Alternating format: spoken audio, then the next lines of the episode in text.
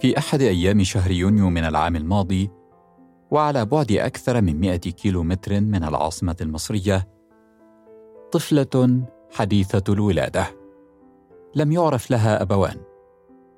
وجدت وحيدة وأخذت إلى دار رعاية أيتام.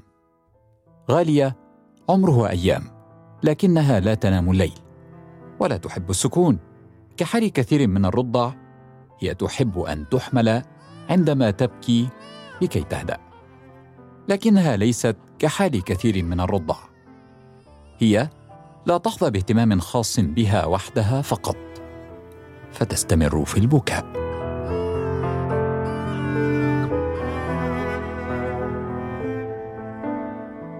غالية واحدة من ملايين الأطفال قدر لهم ذلك. أكثر من 150 مليون طفل يتيم حول العالم.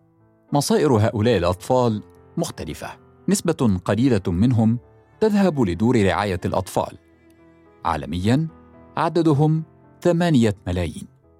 ومنهم من يجد عائلة جديدة. لكن في المجتمعات العربية هناك ما ومن يصعب ذلك. تخيلي أصلا أنت من يوم ما فتحتي عينك على الدنيا بتقولي لشخصة ما يا ماما فجأة وبلا مقدمات الماما دي اتجوزت فمشيت وجابوا لك واحدة تانية يقول لك التانية دي ماما بعد خمس سنين. أو لقت شغلانة أحسن في دار تانية فراحت وسابتك وما بقتش تسأل عليكي. الكلمة نفسها فاقدة معناها مع انها أهم كلمة في حياة أي طفل. تخيلي مثلا انت عيانة لكن أمك عندها إجازة.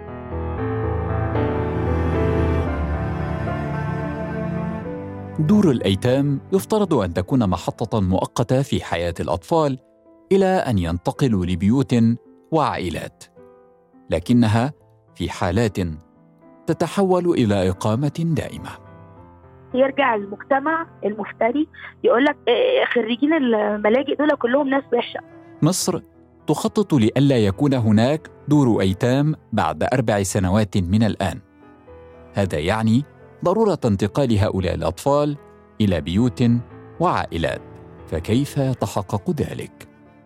أنا مقرراه من الأول من أول يوم دخلت الدار ولكن لا أهلي كانوا سامحيني بما إني كنت صغيرة ولسه عايشة معاهم ولا القانون واللوائح كانت بتسمح. غالية تبكي. هي لا تعرف أنها في غضون أيام سيتغير مصير حياتها.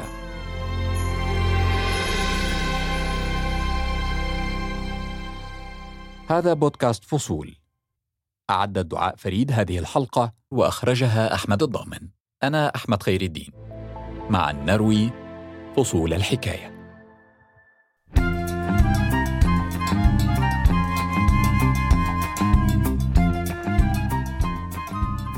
كنت بحب أطلع شجر وأركب عجل وألعب واجري واتنطط وأعمل الكنبة بتاعتنا حصن وكنت غاويه أقلب البيت من الآخر يعني.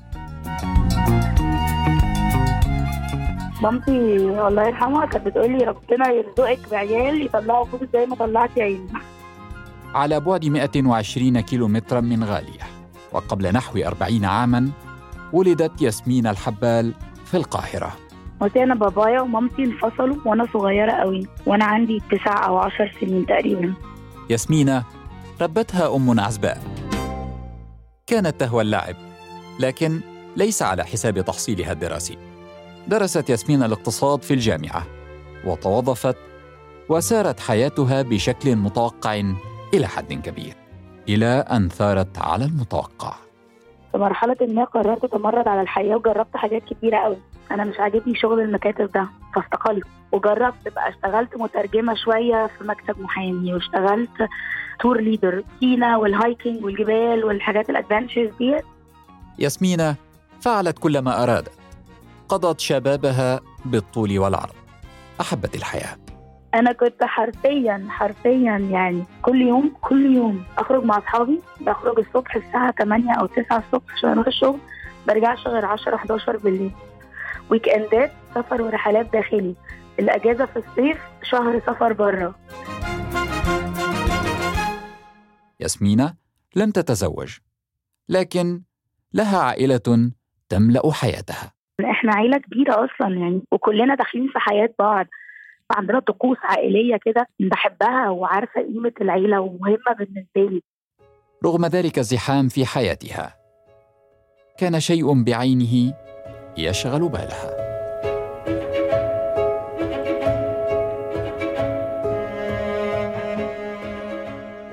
أنا أصلا أصلا بفكر في الكفاله من زمان جدا من وأنا في المدرسة من ساعة ما رحت دار رعاية أول مرة في حياتي. ولكن فكرتي عن الكفالة كانت إن أنا لازم أتجوز الأول وأخلف كل مرة أخلف أكفل بيبي مع طفل مع مع ابني أو بنتي اللي أنا خلفتهم عشان أرضعهم سوا ويبقوا عندي ست عيال. الله أخلف ثلاثة واغفل ثلاثة مش لازم أخلف ست مرات خالص. يعني.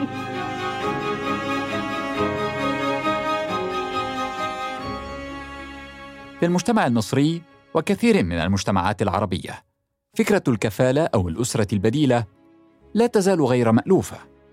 هذا لأن الدين الإسلامي يحرم التبني وهو نسب طفل لغير والديه.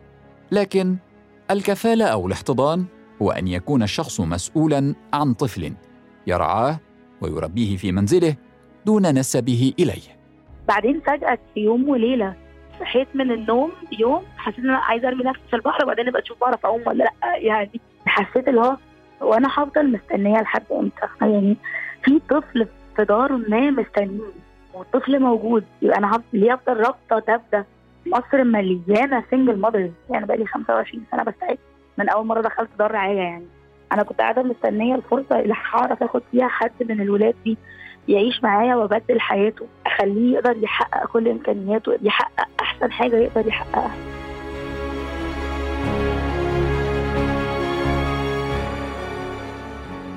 ياسمين قررت أنها لن تربط الزواج بقرار كفالة طفل يتيم. قالت لنفسها يأتي الزواج حين يحين وقته لكن الكفالة وقتها الآن. ومع الزمن بقى وكل الحاجات اللي كانت بتتعمل أنا كذا مرة سألت في الوزارة وسألنا وقالوا لنا برضه لأ زمان ما كانش ينفع ال single mothers يكفلوا أصلا وزمان ما كانش ينفع ال couple اللي لسه متجوزين يكفلوا كان لازم يعدي سنين على جوازهم ويطلعوا ما بيخلفوش ما كانش مسموح إن أنا أكفل حد كبير كانت الدنيا مكلكعة قوي يعني كان لأ لأ لأ لأ لأ. ما تريده ياسمين غير مرحب به كثيرا مجتمعيا. المثل الشعبي المصري يقول يا مربي غير ولدك يا زارع في غير أرضك. وحتى لو تجاهلت المجتمع كفالة طفل في المنزل من قبل امرأة عزباء لم يسبق لها الزواج كان غير متاح قانونيا. في دول عربية كثيرة منها مصر الزواج شرط أساسي لكفالة الأطفال بل لابد من وجود مانع لدى زوجين من الإنجاب لكي يسمح لهما بالكفالة. الكافلة. عزباء تختار الأمومة. بودكاست فصول.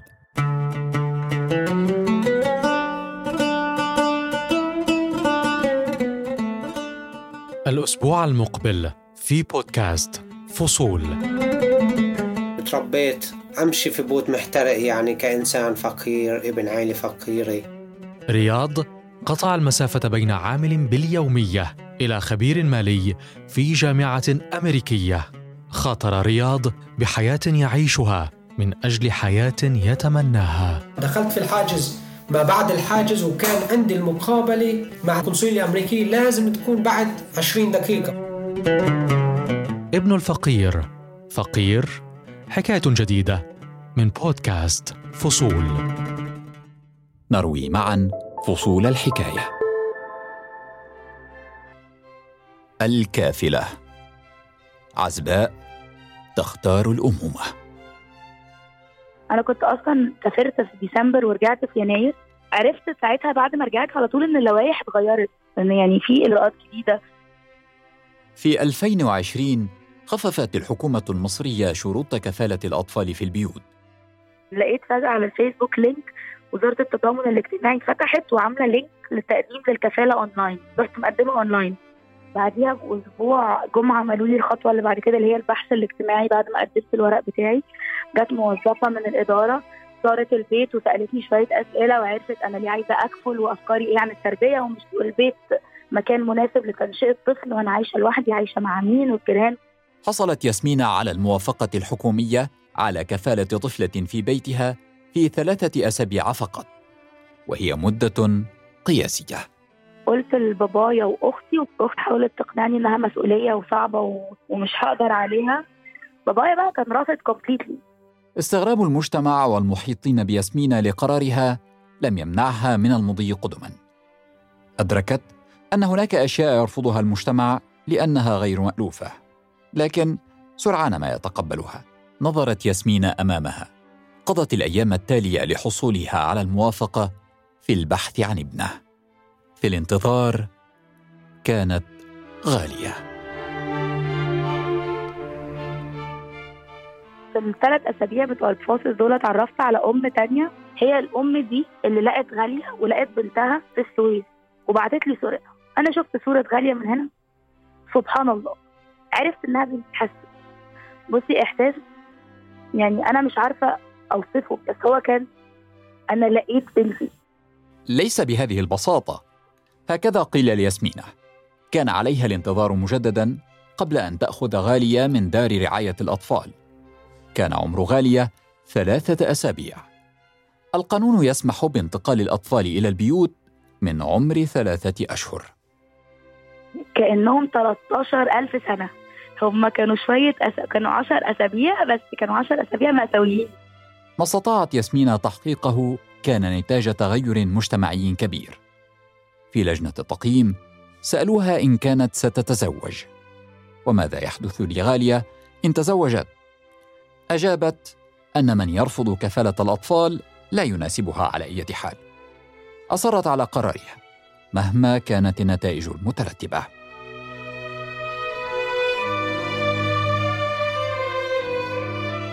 كانت مخاطرة.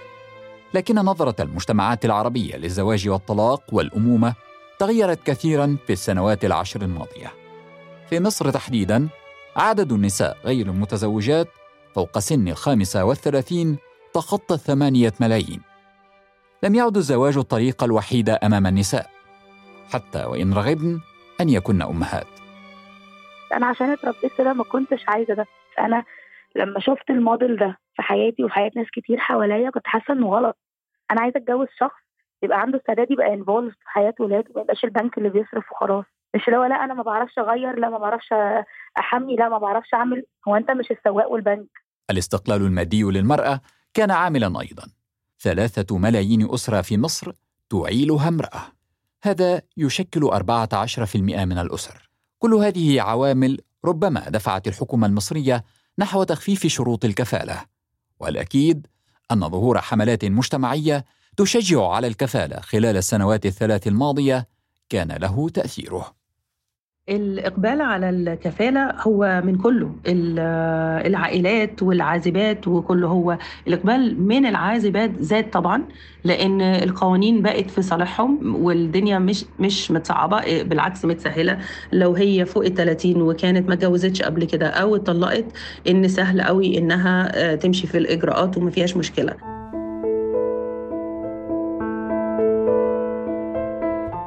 قبل نحو عشرين عاماً علمت رشا مكي بعد زواجها أنها لن تتمكن من الإنجاب. كانت تعيش في سان فرانسيسكو في أمريكا. حاولت بشتى الطرق أن تنجب طفلا لكن لم يفلح الأمر. وانتهى الزواج. عادت رشا إلى موطنها مصر. نست الأمر وبدأت حياة جديدة. وتزوجت مرة أخرى. راودتها فكرة الأطفال من جديد. وقبل ست سنوات قررت هي وزوجها أن يصبحا عائلة أكبر. بعد عام من الإجراءات أصبحت رشا أماً في عمر الخامسة والأربعين. لما شفت مصطفى مش مش حبيته بس أنا يعني خلاص أنا شفت ابني يعني ما قدرتش اسيبه من ايديا خمس ساعات بحالهم فبوري صورنا وبوري قد إيه إحنا شبه بعض وقد إيه إحنا بنحب بعض وصورنا أكيد بتبين ده رشا شاركت قصتها وتجربتها مع الملايين على مواقع التواصل الاجتماعي. الاحتفاء بقصتها شجعها على إنشاء أول منصة إلكترونية في مصر تشجع على الكفالة. مؤسسة تدعى يلا كفالة. ناس كتير قوي مش عارفة معنى الكفالة الحقيقية اللي إحنا بنتكلم عليها اللي هي كفالة في البيت. آه الكفالة زمان كانت اللي معترف بيها في مصر اللي هي في الدار. رشا أصبحت مرجعا للسيدات والعائلات الراغبة في الكفالة. تتعامل يوميا مع أسئلة واستفسارات من الراغبين في أن يصبحوا أسرا بديلة. تتعامل مع موظفين حكوميين تقول إنهم غير مقتنعين أصلا بالكفالة في البيوت. وأنا مش هقول لك ان المجتمع بقى متقبل للفكرة. آه الوعي ابتدى يزيد بس لسه لسه بدري قوي على ما نوصل للنقطة دي. يعني أنا عايزة أقول حتى كل الأنسات اللي حاولوا يمشوا في الإجراءات بإن هم هياخدوا طفل وإن هم يبقوا سنجل وهيكملوا أهاليهم آه رد فعلهم كان الرفض طبعا وكانوا واقفين ضدهم. رشا هي من شجعت ياسمينة على قرارها. كانت الفكرة إن لازم يبقى في راجل بيصرف يا جماعة. أنا مهما عملت هصرف إزاي؟ أنا أصلا بشتغل ومكفية نفسي بالعافية.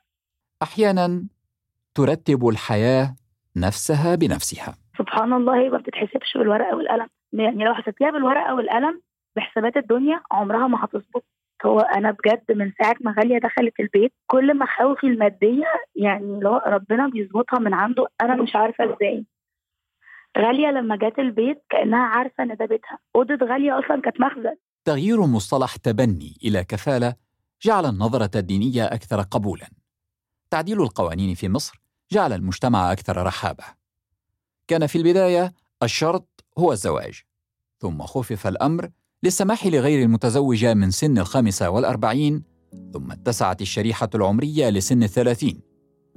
ثم خفف شرط الحصول على مؤهل دراسي عال. وسمح بتقديم الطلبات إلكترونيا بل وأعطيت الأم الكافلة الولاية التعليمية على الطفل. كل هذا يقول إن العزباء أصبح ينظر لها على أنها قادرة على تربية طفل بنات كتير جدا نفسها تبقى مام ومش مقبلة على الجواز أو اللي هي اتجوزت ولقيت إن حظها كان وحش ومش حابة الموضوع ده دلوقتي آه، بس نفسها إنها تبقى أم وسنها بيكبر فإداها فرصة إنها تبقى أم. وبرضه هم مش رافضين إن هم يتجوزوا هو لو جه الشخص الكويس اللي هياخدهم كباكج إن أنا وابني يعني هتعمله. وأنا شايفة ده قدامي فعلا حاصل. وزارة التضامن الاجتماعي تلقت أعلى معدل طلبات على الكفالة في تاريخها خلال العام الماضي. صارت الأمومة قرارا. الست اللي بقت أم فقط عشان هي اتجوزت فاضطرت تبقى أم وبعد كده لقت نفسها لابسة لوحدها واصلا المجتمع كمان مش بيسهل حياتها. هي عايزة حياة عيشه لكن دي حاجة أنا اخترتها بنفسي. أنا عايزة ده. أنا عايزة أدي بنتي حياة كويسة. أنا عايزاها ما تترباش في ملجأ. أنا عايزاها. أنا ما جبتهاش عشان أنا مضطرة. بالعكس أنا مخلي أنا نظرتي للأمومة more positive عن الأمهات دول كلهم. أنا يعني اخترت ده ومبسوطة بيه. ومخلي الرحلة كلها رحلة الأمومة كلها حلوة. بال ups وال downs بتاعتها بالتعب بتاعها بالحاجات اللي أنا عارفة أعملها والحاجات اللي أنا مش عارفة أعملها. كله كله بالنسبة لي حاجة كويسة.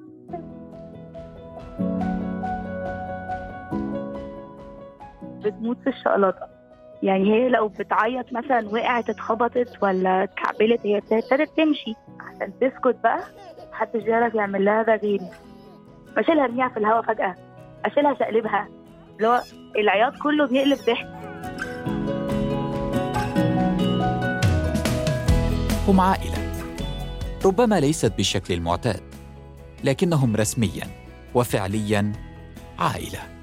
لهم روابط ومواقف ومشاعر دافئة. أنا أصلا مش عارفة أنا كنت عايشة إزاي قبلها. هو أنا كنت بعمل إيه قبل غالية؟ اليوم كان بيبقى شكله إيه؟ هي غالية ما كانتش موجودة إمتى أصلا؟ أنا حاسة إن هي يعني مع انها عندها سنة. حاسة إنها كانت موجودة طول حياتي. الحياة كان شكلها إيه قبل غالية؟ موضوع غريب قوي مش متخيلاها. هذه تحية مني. أنا أحمد خير الدين ومن الزميلين دعاء فريد وأحمد الضامن. دمت في صحة وعافية. بودكاست فصول. نروي معا فصول الحكاية. اشترك في الحرة بودكاست على أبل بودكاست وجوجل بودكاست. وتابعنا على سبوتيفاي يوتيوب وساوند كلاود.